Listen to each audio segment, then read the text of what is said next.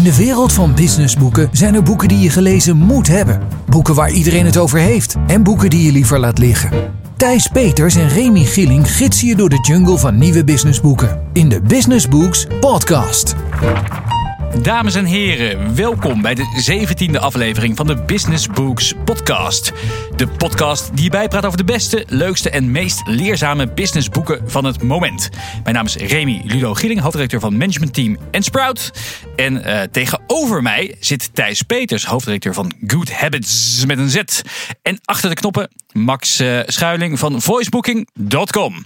Dag Max, in deze aflevering bespreken we het boek Dit gaat nooit lukken van Netflix-oprichter Mark Randolph en de eerste CEO van Netflix. Uh, Ride of a Lifetime van Disney CEO Bob Iger. En we laten ons meeslepen in het verhaal van de opkomst en ondergang van Travis Kalanick van Uber. En Remy, jij sprak met Steven van Bellegem, de auteur van het boek Customers The Day After Tomorrow. Ja, Remy, reacties van luisteraars. We hadden er nogal wat. Er, uh, vooral. Een, een, overvolle mailbox en zelfs aan de telefoon. Uh, Boy Lokko van Healthy Workers is een fan. Uh, we hadden een mail van Arthur Nobel van Revel X. En die zei: Fijn om een overzicht te krijgen op de luchtige manier. Leuke manier om in aanraking te komen met de must reads. Hij had ook een abonnement genomen op Blinkist. Maar hij vond toch onze podcast een betere manier om die boekenkennis tot zich te nemen. Dus dat was echt een groot compliment. Heb je nog wat meegemaakt, Thijs? Uh, wat meegemaakt? Nou ja, ik ben druk met mijn, uh, uh, mijn nieuwe werk. En, ja, je, hebt in, je loopt inmiddels met een MacBook rond. Je hebt een, bij, ja. een Steve Jobs-eske bril opgezet. Je bent een ik, ander ik, mens geworden. Ik, ik werd door de andere met Trotsky vergeleken. Trotsky, maar dat komt natuurlijk ja. door mijn, mijn Ruslandkundige achtergrond.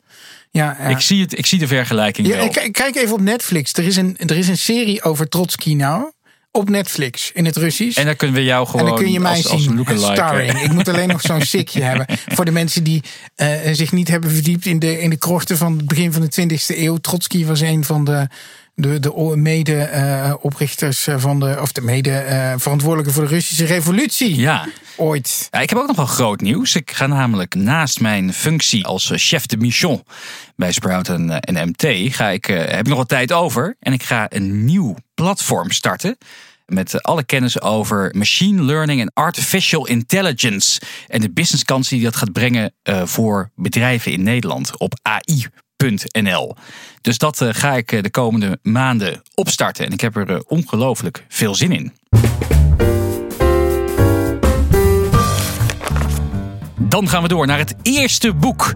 Dat gaat nooit lukken van Mark Randolph. Mark Randolph, de medeoprichter uh, samen met Reed Hastings van Netflix. De eerste CEO van het bedrijf. En uh, ja, Thijs, wat zeggen de recensenten? Ja, hij heeft een boek dus geschreven over de eerste jaren van Netflix. Een hele mooie vond ik in de uh, New York Times. That will never work also does away with a handy origin story that has been mythologized by Netflix since its inception. That Mr. Hastings founded the company out of frustration over the $40 late fee charged by Blockbuster for his return of the movie Apollo 13. En dat zegt precies wat het is. Dit is eigenlijk het echte verhaal. Met alle problemen en dingen. Dit is niet de founders myth. Dit is hoe het is echt gegaan. Ja, want wie is die Mark Randolph eigenlijk? Want iedereen kent eigenlijk alleen maar die Reed Hastings. Maar Mark Randolph is de man die het bedrijf echt heeft opgericht. En Reed Hastings was de eerste investeerder in Netflix. En uh, ongeveer twee jaar lang is het uh, Mark Randolph geweest die CEO van dit bedrijf was, geweest, uh, was totdat Reed Hastings het stuur heeft overgenomen. Thijs, kan je wat lessen eruit delen? Want ja, jij hebt hem helemaal uitgelezen. Ik heb hem helemaal uitgelezen. Maar je ziet op een gegeven moment, uh, Reed Hastings en uh, Mark Randolph, die hebben een ander bedrijf verkocht. En die rijden elke dag, moeten ze een earn-out, moeten ze nog naar dat oude bedrijf. En in de auto zijn ze een nieuw bedrijf aan het bedenken. Gepersonaliseerde shampoo, hondenbrokken. En op een gegeven moment komen ze Honkbalknuppels komen voorbij. Op maat. En, uh, en op een gegeven moment komen ze op het idee van DVD-verhuur. En uh, het is vooral Mark Randolph die, die een nieuw bedrijfje wil beginnen. En Reed Hastings heeft wat meer geld dan Randolph nog. En die zegt, nou, ik wil je eerste investeerder zijn. Wat gaan ze doen? Ze gaan dvd's verkopen en verhuren in 1997. In 1997 hebben uh, uh, nog een paar enkele duizenden mensen in Amerika een dvd-speler. Dat heeft het voordeel dat ze de eerste zijn die het doen. Een webwinkel waar je dvd's kunt verkopen. Want het is anders dan. Uh, het is geen videotheek, hè? het is, het is een, een, een, webwinkel. Alleen zij zit dus met enorme probleem. Hoe krijgen we nou uh, klanten? Want er zijn in ieder geval mensen met een dvd-speler. Nou, op een gegeven moment hebben ze een deal met Toshiba en Sony, de eerste makers van DVD-spelers. En dan is echt van, dan mogen wij een sticker of een foldertje in jullie doos bij de DVD-speler, dat mensen gratis Netflix-abonnement krijgen. Nou, vindt Sony een prima idee. Alleen wat doen ze dan? Dan plakken ze die sticker op de buitenkant van de doos. En, en nou, daar is het bedrijf bijna aan failliet gegaan. Want uh, je moet je voorstellen, we spreken hier over de tijd voor de mobiele telefoon. Maar mensen gingen langs die CD-winkels en al die codes op die buiten, buitenkant van die doos overschrijven op een papiertje. En gratis Netflix-abonnementen aan. Je hebt gewoon een lifetime gratis Netflix-abonnement ja. Eh, bij elkaar gescharreld. Maar op een gegeven moment, het gaat niet altijd even rooskleurig met het bedrijf. En op een gegeven moment hebben ze het zelfs bijna verkocht aan blockbusters, wat van de videoland van Amerika. En dat is net op het nippertje niet doorgegaan. Ze zijn daar vierkant uitgelachen toen, toen ze bij Blockbuster zaten. Uh, van ja, we, we, denken jullie wel. En uh, dat was ook net na de knappen van de zeepel. Ze, de konden ook, ze konden geen investeerders meer krijgen in 2000, 2001. Uh, dus ze moesten eigenlijk wel verkopen, maar Blockbuster lag tussenuit. Ze hebben toen maar besloten de helft van de mensen te ontslaan. Een goed plan was. Overigens hebben ze nog in een eerdere fase geprobeerd een bedrijf te verkopen aan ons welbekende Jeff Bezos van Amazon. Die nu ook, toen ook nog niet zo groot was. En dan vertellen ze ook, zij verkochten ze ook dvd's en Amazon nog niet. En ze zaten in het vliegtuig en ze dachten van ja, als Bezos nou ook dvd's gaat verkopen, zijn we uit de markt. En toen kocht Bezos niet, toen zaten ze terug in het vliegtuig. Toen zei ze, weet je wat, we gaan dvd's verhuren. Want het was eigenlijk gewoon een soort marktplaats eerst. Het was een soort, dus je kon nee, ze kopen. Ze kon ze kopen uh, en ze, je kon ze ook huren. Maar dat liep voor geen meter. En toen zei ze, we moeten voor huren kiezen. Want als Amazon dvd's gaat verkopen, verliezen we het. Dat gaan we never nooit redden. Dus toen zijn ze op huren gekomen. Zij zijn ook de uitvinders van eigenlijk het abonnementenmodel. Hè, wat we van Spotify kennen. En van Netflix zelf. Alleen toen werkte het zo. Je betaalde 20 dollar. En dan kreeg je vier dvd'tjes opgestuurd met films. Als je dan eentje af had gekeken, dan stuur je DVD terug en dan kreeg je weer een nieuwe. En uit dat abonnementenmodel is ook het idee van algoritmes op de website ontstaan. Uh, want wat was het probleem? Uh, het voordeel was, er waren nog niet zoveel dvd's. Dus zij zeiden, we hebben alle dvd's. Alleen, stel dat je dan een heel populaire jaren negentig film had. Ik kan er niet zo snel eentje opnoemen, maar... Uh, The Bodyguard. ja, ja, zoiets. Ja, precies. En... Um, dan wilden natuurlijk heel veel mensen die film zien. Maar ze hadden maar x exemplaren, want ze zaten nog steeds met die fysieke beperking. Dus toen hadden ze bedacht, we moeten uh, op onze site dan recommendations gaan doen van films waarvan we er nog genoeg in de kast hebben staan. En, en later pas, hè, toen, toen, toen ze digitaal gingen en, en dus de, de, de fysieke beperking van de ja. DVD wegging, uh, konden ze dat natuurlijk die algoritmes gaan gebruiken om echt te gaan pushen. Van waar eigenlijk de titel That Will Never Work? Waar komt die, waar komt die vandaan? Nou, om, omdat iedereen zei in het begin, ja, kom op, het verhuren van dvd's uh, over internet, over de post.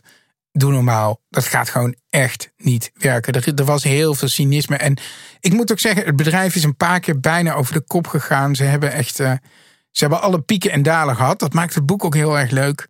Het is een heel eerlijk boek. Randall vertelt ook hoe die op een gegeven moment uh, door Hastings eerst als CEO opzij wordt gezet. En op een gegeven moment eigenlijk ook uit de boord moet verdwijnen. Houdt hij zijn poot stijf. Maar dan is al vrij duidelijk en dat is ook de echte harde cultuur bij Netflix.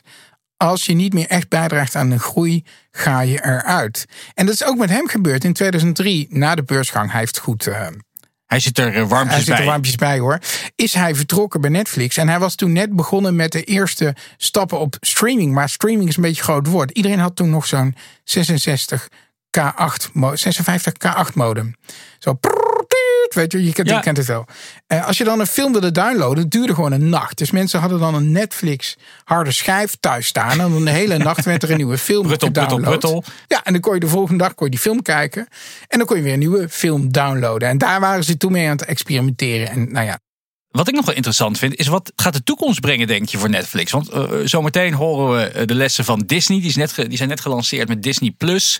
Uh, Apple heeft Apple TV uh, aangekondigd. Je hebt Amazon Prime. er zijn steeds meer spelers bijgekomen. Gaat Netflix het redden, denk je? Ik denk Als het, raspessimist. ik, ik, ik denk het wel. Eh, eh, ik heb eh, zowel Disney eh, nu uitgeprobeerd. Dat is voor een soort kinderoppas. Ja, voor mij staat er bijna niks op, vond ik Nee. eigenlijk. Kon er ook niet alles vinden waarvan ik dacht, nou, hier word ik heel warm van. En Apple heeft natuurlijk ook niet zo'n goede track record als het gaat om streaming. Ook qua muziek. Nee, maar die gaan natuurlijk gewoon als extra dienst bij al hun nieuwe producten aan, aanleveren. Gewoon om het ecosysteem een beetje in eh, wat, wat, wat, extra waarde te geven. Dus ik, die vijf, ik denk niet dat er veel mensen die 5 dollar per maand zullen gaan betalen aan Apple. Het is meer een, zoals bij Amazon Prime. Hè? Eh, Je krijgt de gratis delivery, daarvoor heeft iedereen het. En eh, als extra bonus krijg je boeken, audioboeken en, en, en, en streaming video. Voor wie is het boek, Thijs? Voor ondernemers, managers. Het leest als een roman. En je kunt er hele goede lessen voor het bouwen van een bedrijfscultuur aanhouden. Het is, eh, Wanneer moet je het lezen? ik zou het lezen bij schoonouders op tweede kerstdag. Bij de open haard of eerste kerstdag. We gaan naar boek 2. Customers the Day After Tomorrow. Remy, jij sprak met eh, Steven van Bellegem. Ja, ik ben tegenwoordig eh, ook host geworden bij Denkproducties voor hun podcast Denk Tank. En daar spreek ik live op de seminars met eh, de grote sprekers die op die dagen hun kennis delen met het eh, publiek. En een tijdje geleden was het seminar Customer Champions in de Johan Cruijff Arena in Amsterdam. En daar sprak ik onder meer met eh, visionair, goeroe, toekomstdenker Steven van Bellegem, een eh, Vlaam. En eh, we gaan luisteren naar wat we daar bespraken. Steven, welkom in de uitzending. Dankjewel. Ik was ook bij jouw talk eh, bij Obama vorig jaar. Ja. En daar vertelde je volgens mij ook dat je in een winkel stond in, in China. En je wilde een Hagendas winkel volgens mij ook nog. Ja, en je het. wilde daar af, afrekenen met, eh, met, met je creditcard. En mensen begonnen gewoon een beetje je uit te lachen. Van, wat- is dit? Wat, wat, loop je met een gek pasje te zwaaien? Ja, dat was, eh, ik herinner mij dat goed. Wij gingen die Hagendas winkel binnen, ik en een collega. En we bestellen onze ijsjes en dat moeten we betalen. En ik neem mijn creditcard. En die mevrouw die, die kijkt naar mij alsof dat je in Amsterdam om ijsjes gaat. En dat je daar met, een, eh, met twee geiten afkomt om te betalen. en dan, eh, dat werkte natuurlijk niet. En dan zei mijn collega, ik zal wel met cash betalen. Dus die doet dat, die, dat lukte ook. Hij betaalde met cash. Maar al die Chinezen die begonnen plots foto's van ons te nemen. Ja. Omdat wij plots een attractie waren. Zo twee schattige jongetjes uit België. Uit de oude middeleeuwen wereld. teruggekomen. Die geld hebben, gewoon echt geld. Geld. En Ja, tegen mijn ja. kinderen, kijk, zo werd er vroeger betaald. Ja, ja. Want daar betalen ze met QR-codes, kan ik me dan zo voorstellen. QR-codes, ehm, alhoewel het nu ook aan het veranderen is naar face recognition payments. Dus dan moet je Mhm. gewoon niks meer doen. Je duwt op een knopje, koopt iets en de betaling gebeurt gewoon zonder dat je nog iets doet. Mhm. Begint nu ook meer en meer ingeburgerd te raken. Ja, want Amazon komt volgend jaar in elk geval naar Nederland. Ik weet niet hoe het in Vlaanderen zit. Wij gaan waarschijnlijk eh, Amazon NL gebruiken, zoals we Coolblue en Bol gebruiken, vermoed ik. Ja. Denk je ook dat dit soort eh, winkels, dat dit soort services ook naar Nederland gaan komen? Want we zien nog vooral het gevaar uit Amerika komen hier volgens mij. Ja, ja dat klopt. Wij, ehm, wij, wij zien Amazon als de grote boze wolf. En ik, ik snap dat ook, want als zij op de Nederlandse markt komen en ze gaan stevig op de prijs duwen, dan wordt dat heftig voor lokale spelers. En zij kunnen dat lang volhouden, dus dat is een, dat is een probleem. Maar ja, het moment dat de Chinezen hier echt arriveren, en ze zijn hier al. Hè. Kijk naar AliExpress. AliExpress is nu al de meest bezochte e-commerce site in Nederland en België. Er komen massaal veel pakjes binnen. Prijzen zijn 70% goedkoper vaak dan, dan bij Bol of Coolblue. Logistiek is het nog een nachtmerrie. Maar beeld je eens in dat ze die logistiek goed beginnen krijgen. Dan heb je een ander verhaal. En ik weet niet of je het gezien hebt, maar Alipay en WeChat, vanaf deze maand kun je het ook als buitenlander gebruiken in China. Dat, Ja? dat kon niet, maar ze stellen het open. Vele mensen denken van misschien is dat een test om te zien of wij dat doen. En dan kun je gaan, eh, gaan uitrollen naar Europese steden. Eh, Ant Financial Services is de eh, financiële services dochter van Alibaba. Die hebben ongeveer anderhalf jaar geleden 24 miljard dollar opgehaald. En dan zeiden ze gewoon open en bloot dat geld dient voor de invasie van Europa. Oh, Want ja. Amerika gaan ze niet zo snel meer doen. Hè. Met de spanningen tussen Amerika en China ligt dat moeilijk. Dus waar zitten alle andere interessante consumenten? Dat is hier. Hier. Ja. Je hebt het in je, in, je, in je boek, wat je in 2017 hebt uitgebracht, ook steeds over hè, de, de, fase 3 van de technolo- technologische revolutie waar we in zitten. Ja. Kan je eens even uitleggen, wat is die fase 3 en waar komen we vandaan? Het begin was ehm, websites. Hè. Het internet dat, dat verscheen en dan gingen wij achter de computer zitten om naar websites te gaan. Daarna kwam mobile en social. 2007. Dan werd alles mobiel. Hè. En dan nu zitten we in die wereld van artificiële intelligentie, automatisatie. En dat is een, eh, een, een, een wereld waarbij dat je veel meer kunt anticiperen. Een wereld waarbij dat je veel meer kunt personaliseren. Waarbij dat je kunt automatiseren en zo het leven makkelijker maken. Dus dat is een, een totaal nieuwe fase. Hè, waarbij dat de voorbije tien jaar het, het, vaak ging over nieuwe vormen van communicatie. Denk ik gaat het nu gaan over nieuwe vormen van handelen, nieuwe vormen van relaties. Gezondheidszorg die helemaal verandert. Dus ik denk dat we nu de komende 10, 15 jaar op vlak van digitalisatie meer naar de core van ons leven zullen gaan. Dat verandert dan het oppervlakkige, wat eigenlijk veranderd is de voorbije tien jaar. Wat is die core dan? Onze gezondheidszorg, onze partner waarmee we leven, onze, onze opleiding.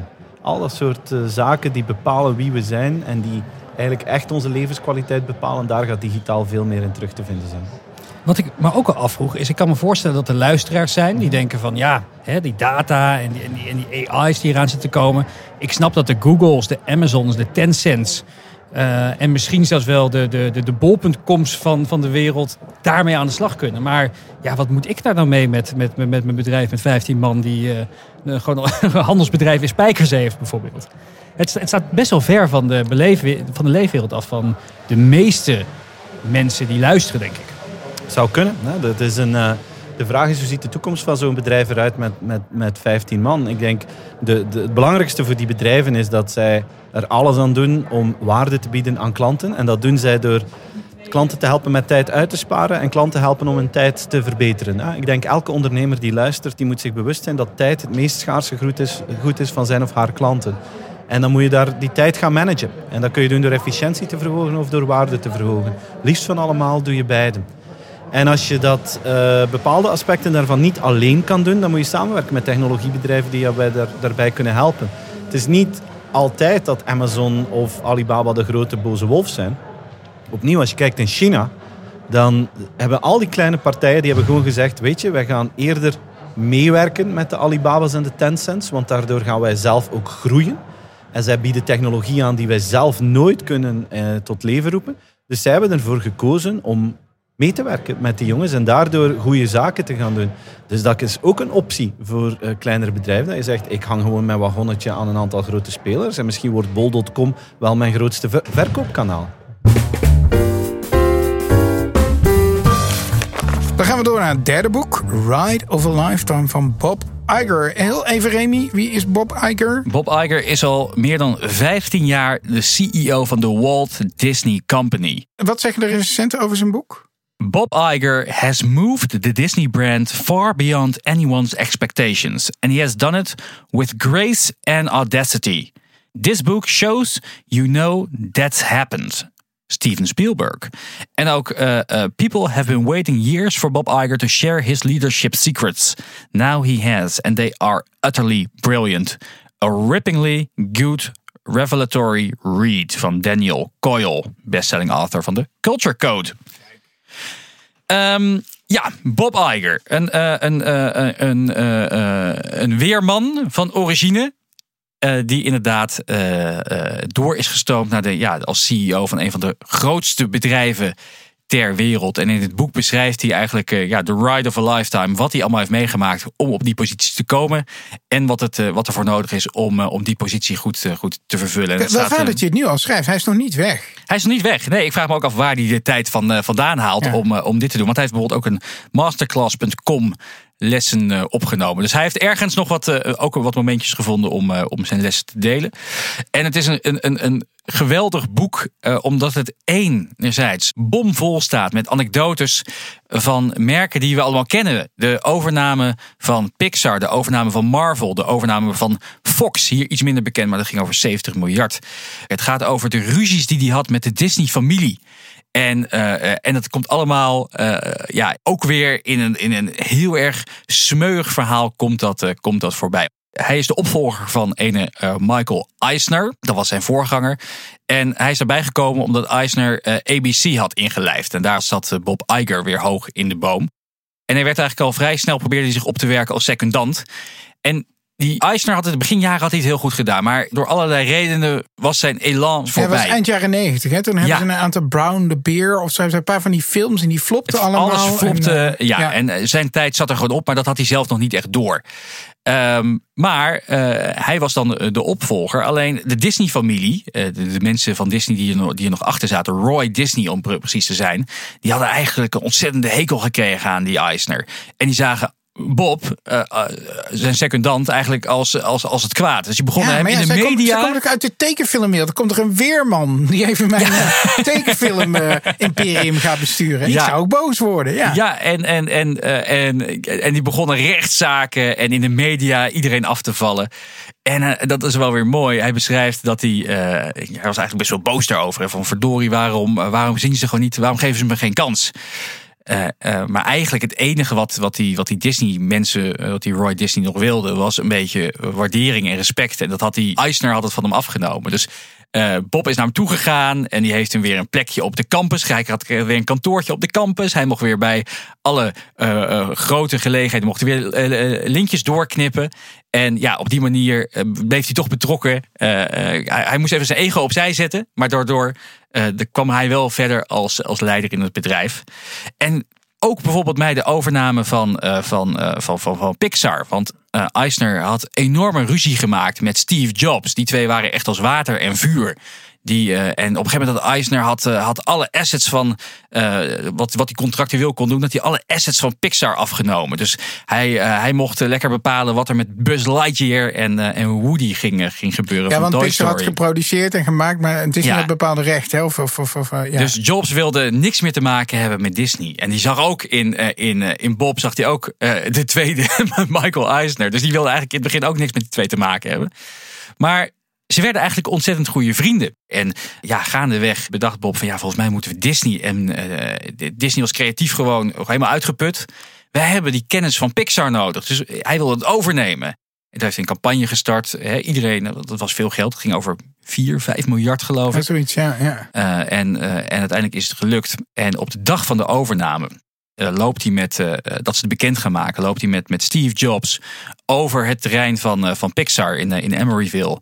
En Jobs vertelt hem, ja, ik moet je toch iets vertellen, uh, Bob. want ik word zometeen de grootste aandeelhouder van Disney. want het was grotendeels in aandelen. en ik ga zometeen in je board zitten. Maar ik ben ongeneeslijk ziek. Dus ik, ik kan. Dit, dit, dit, dit gaat problemen opleveren. Dus als je. je ik geef, geef je nog één, één kans om, om eruit te stappen. Als je denkt van nou, dit moeten we niet doen. Dan is dit het moment. Maar dat, dat, ze hebben het toch door laten gaan. En hij geeft zelfs een hint dat hij denkt dat als Jobs nog had geleefd. dat Disney en Apple misschien wel gefuseerd waren geweest. En voor wie is dat boek? Misschien wel meer voor leiders in grote bedrijven dan voor ondernemers. Want het staat wel vrij ver van de dagelijkse praktijk af van, van, van de gemiddelde MKB-ondernemer. Ja. Het is wel een mooi verhaal. Ja, en wanneer, wanneer lees je het boek? Ja, ik vond het een heerlijke page-turner. Elke, elke avond één hoofdstukje doorlezen was, was, was heel fijn. Cadeautje, kopen? Niemand gaat het aan je cadeau geven. Dus je moet het gewoon zelf even kopen. Dan gaan we door naar het laatste boek van de aflevering. De strijd om Uber. Van tomeloze ambitie tot totale ontsporing. Van Mike Isaac. En uh, Thijs, wat zeggen de recensenten? Ja, de recensenten zeggen een, een spannende chroniek van alles wat er fout is aan de opgepompte techcultuur van Silicon Valley. De Volkskrant. En uh, De strijd om Uber is het definitieve boek over de opkomst en morele teloorgang van het controversiële taxiplatform Vrij Nederland. Um, wie, heeft het, ja, wie, is ja. Die, wie is die auteur van dit boek? Uh, Mike Isaac is een, is een, is een redacteur van de New York Times. Heeft Uber jarenlang gevolgd. Uh, in de jaren eigenlijk dat Uber groot werd en Travis Kalanick, Kalanick. Kalanick aan, het, uh, aan het roer stond. Ja, en je hebt in de vorige aflevering wel eens gezegd dat de Bad Blood misschien wel jouw managementboek van het jaar was. Of een businessboek van het jaar was. Kan deze dit overtreffen?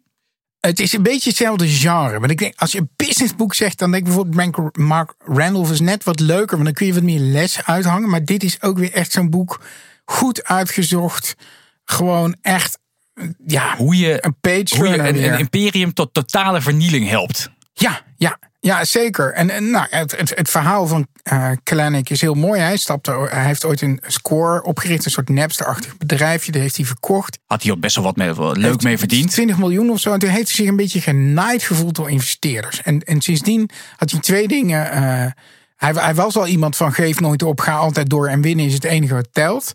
Uh, maar toen heeft hij ook besloten, ik ga het nog nooit meer laten naaien door investeerders. En dat loopt eigenlijk door een rode draad door de hele uh, Uber-saga heen. Maar goed, op een gegeven moment, hij is een beetje lezing aan het doen. Op een gegeven moment komt hij met een vriend, Carrot Camp. Die komt eigenlijk met het idee, een van de andere Uber-oprichters. Die komt met het idee van Uber Black. Dus die, die, die andere uh, taxidienst. Hij is in Silicon Valley en vindt taxis. Je moet lang wachten, het is onhandig. En dan komen ze het idee op die, op die app. Uh, ja, gewoon zo van privéchauffeur ja. op, op oproep. En zij bouwen dat op, uh, op een gegeven moment uit. En op een gegeven moment komt er een ander klein bedrijfje, Lyft. En die bedenken eigenlijk wat wij nu als Uber kennen. Uh, Gewoon de normale taxis dat, op oproep. Oh, nou, ja, dat iedereen uh, taxichauffeur kan worden. Dat, is oh, dat was, dat was het originele idee van Lyft. Uh, wat inmiddels trouwens in Amerika de grote concurrent is voor Uber. Uh, en Kalanick die ziet meteen de potentie en denkt, we moeten ze hebben. Uh, die kopieert wel zo snel mogelijk. Laat allerlei mensen infiltreren bij Lyft. Uh, probeert uh, Uber-chauffeurs...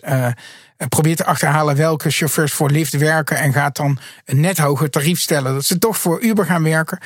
En dat zie je overal in het boek, uh, Kalanick wil gewoon altijd winnen ten koste van alles. Dus op een gegeven moment willen ze stad naar stad gaan veroveren. En krijgt natuurlijk heel veel ruzie, zoals overal ter wereld Uber ruzie krijgt met, met, de, met de overheid en met de taxibranche. Op een gegeven moment Philadelphia, die uh, willen Uber gewoon niet hebben. Dus die hebben die inspecteurs ingezet om te zorgen uh, om boetes uit te delen. Ja, ja, precies om boetes uit te delen. En wat ze nou doen, ze doen een geofencing. Ze zoeken uit waar die, die uh, inspecteurs werken.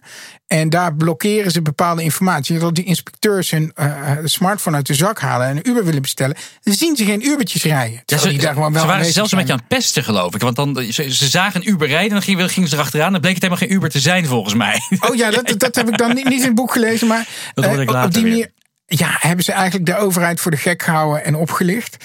Uh, en wat, wat ik wel een aardige wending in het boek vond, is uh, de grote strijd om China en het Midden-Oosten. In China had je Didi. Op een gegeven moment was er een soort oorlog uitgebroken. Didi natuurlijk vaak gesteund door de autoriteiten van het Chinees bedrijf. En Uber kon er alleen maar van winnen door hele hoge premies uit te delen aan chauffeurs die voor Uber gingen rijden. Wat er dan gebeurde, kreeg je een soort forums op, op chatboxen waarbij Uber-chauffeurs, tussen aanhalingstekens, uh, uh, cliënten gingen werven. En die maakten dan een deeltje en dan reden ze een rondje en dan deelden ze de poet van de, de, de, de bonus. De bonus, ja, ja, ja. Dus er zijn echt miljarden aan opgebrand. Op een gegeven moment waren er ook taxis die gewoon met tientallen telefoons op de achterbank rondreden. om maar zoveel mogelijk uh, van, van die dingen te scoren. Hij wilde niet opgeven in China en, en, en, en, en Thailand en Indonesië, want ik geeft nooit op. Maar uiteindelijk hebben de investeerders, die verdomde investeerders, hem onder druk gezet om die twee takken maar te verkopen aan een Aziatische concurrentie. Uh, en toen leek het eigenlijk met Uber misschien het Westen wel te gaan lukken. Maar toen kwam uh, dat beroemde die blogpost van Susan Fowler. Een oud... Over die totale verkeerde cultuur binnen dat bedrijf. Ja, en uh, toen kwam dus naar buiten het seksisme. Uh, het, hè, dan kreeg de hele afdeling cadeautjes. En het waren leren jassen voor mannen. En de vrouwen de afdeling kregen gewoon niets. Ja, er waren geen vrouwenjassen. Pech. En dat hele seksisme en zo, dat heeft toen natuurlijk echt zwaar aan hem gaan kleven. En elke keer wist hij er dan weer net uh, bovenuit te komen. Totdat hij een keer half dronken met twee dames op de achterbank van een Uber-taxi zat. Uh, en ruzie kreeg met de taxichauffeur die aan het klagen was dat, dat Uber drukt natuurlijk die, die, ja, die, die de, de, tarieven voor die taxichauffeurs. Je kon er gewoon bijna niks meer mee verdienen. En die, en die, die klaagden daarover. Ja, en je moet het filmpje maar eens opzetten. Ja, en hij, hij, hij valt. Uh, ja, er was zo'n dashcam die, die ja. nam het hele gesprek op. En dan zag je wat een ontzettende lul die man was. Nou, en dat filmpje is toen via Bloomberg verspreid. En dat was eigenlijk het einde van uh. Toen hebben de investeerders...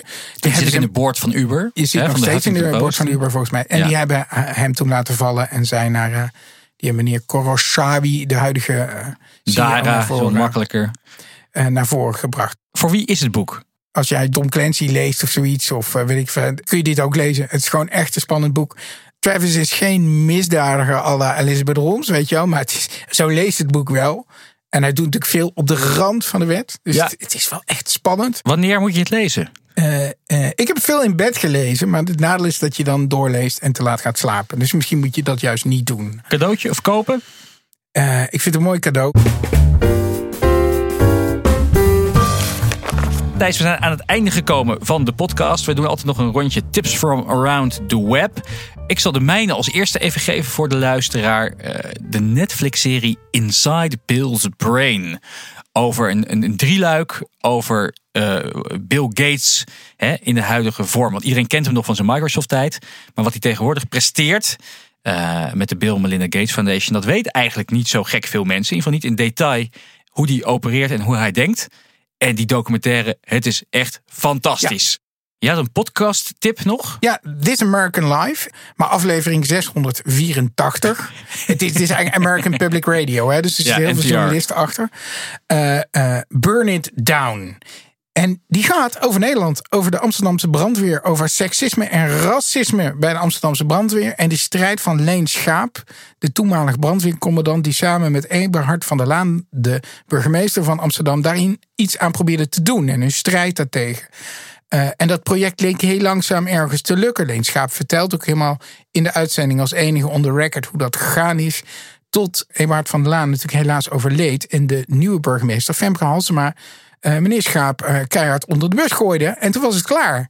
En eh, nou ja, ik, eh, ik was een beetje geschokt over de ongenuanceerde, opportunistische houding van mevrouw Halsema. Die uit deze podcast blijkt. Dus This American Life. Die gaan This we American luisteren. Life, ja. En vergeet je ook niet te- abonneren voor mijn andere podcast. Eh, die van mij heet Denktank bij Denkproducties. En die van jou, want jij hebt er ook eentje. Ik heb er een paar gedaan, ja, voor Business Insider. Business over, Insider, over, oh ja. over ondernemers. Leuk gesprek inderdaad. Met eh, Somnox en... eh, Bart van Holven van eh Fishtails. Oh ja.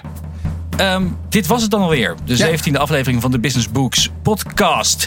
En we gaan ons best doen om ook in december nog een afleveringetje te maken voor jullie. En dan beloven we beterschap voor 2020 om Ja. eh, elke maand een overzicht te geven van de beste, mooiste en leukste businessboeken van dit moment. Vergeet je in de tussentijd niet te abonneren via Soundcloud, Spotify of Apple Podcast. En laat vooral aan ons weten wat je van onze podcast vindt. Heel erg bedankt voor het luisteren en heel graag tot de volgende aflevering. Tot zover de Business Books Podcast. Meer afleveringen luisteren? Abonneer je via iTunes of Soundcloud en krijg een melding wanneer er een nieuwe aflevering live gaat. De Business Books Podcast is een uitgave van Sprout en Management Team en wordt geproduceerd door voicebooking.com.